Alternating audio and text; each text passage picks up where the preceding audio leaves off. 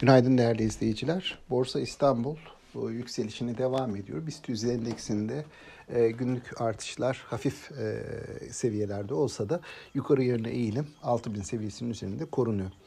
Dün de e, yine e, yukarı yönlü hareketler gördük. Endekste e, özellikle sanayi şirketlerinde bankacılık sektörü harici hisselerde özellikle de enerji, otomotiv gibi e, ve gıda gibi sektörlerde e, alımlar vardı. Bu alımlarla endeks e, yine yükselişini devam ettirdi.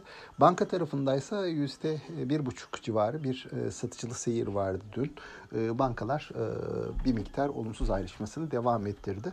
Biz borsada hisse değişimleriyle yukarı yönlü eğilimin korunmaya çalışılacağını düşünüyoruz.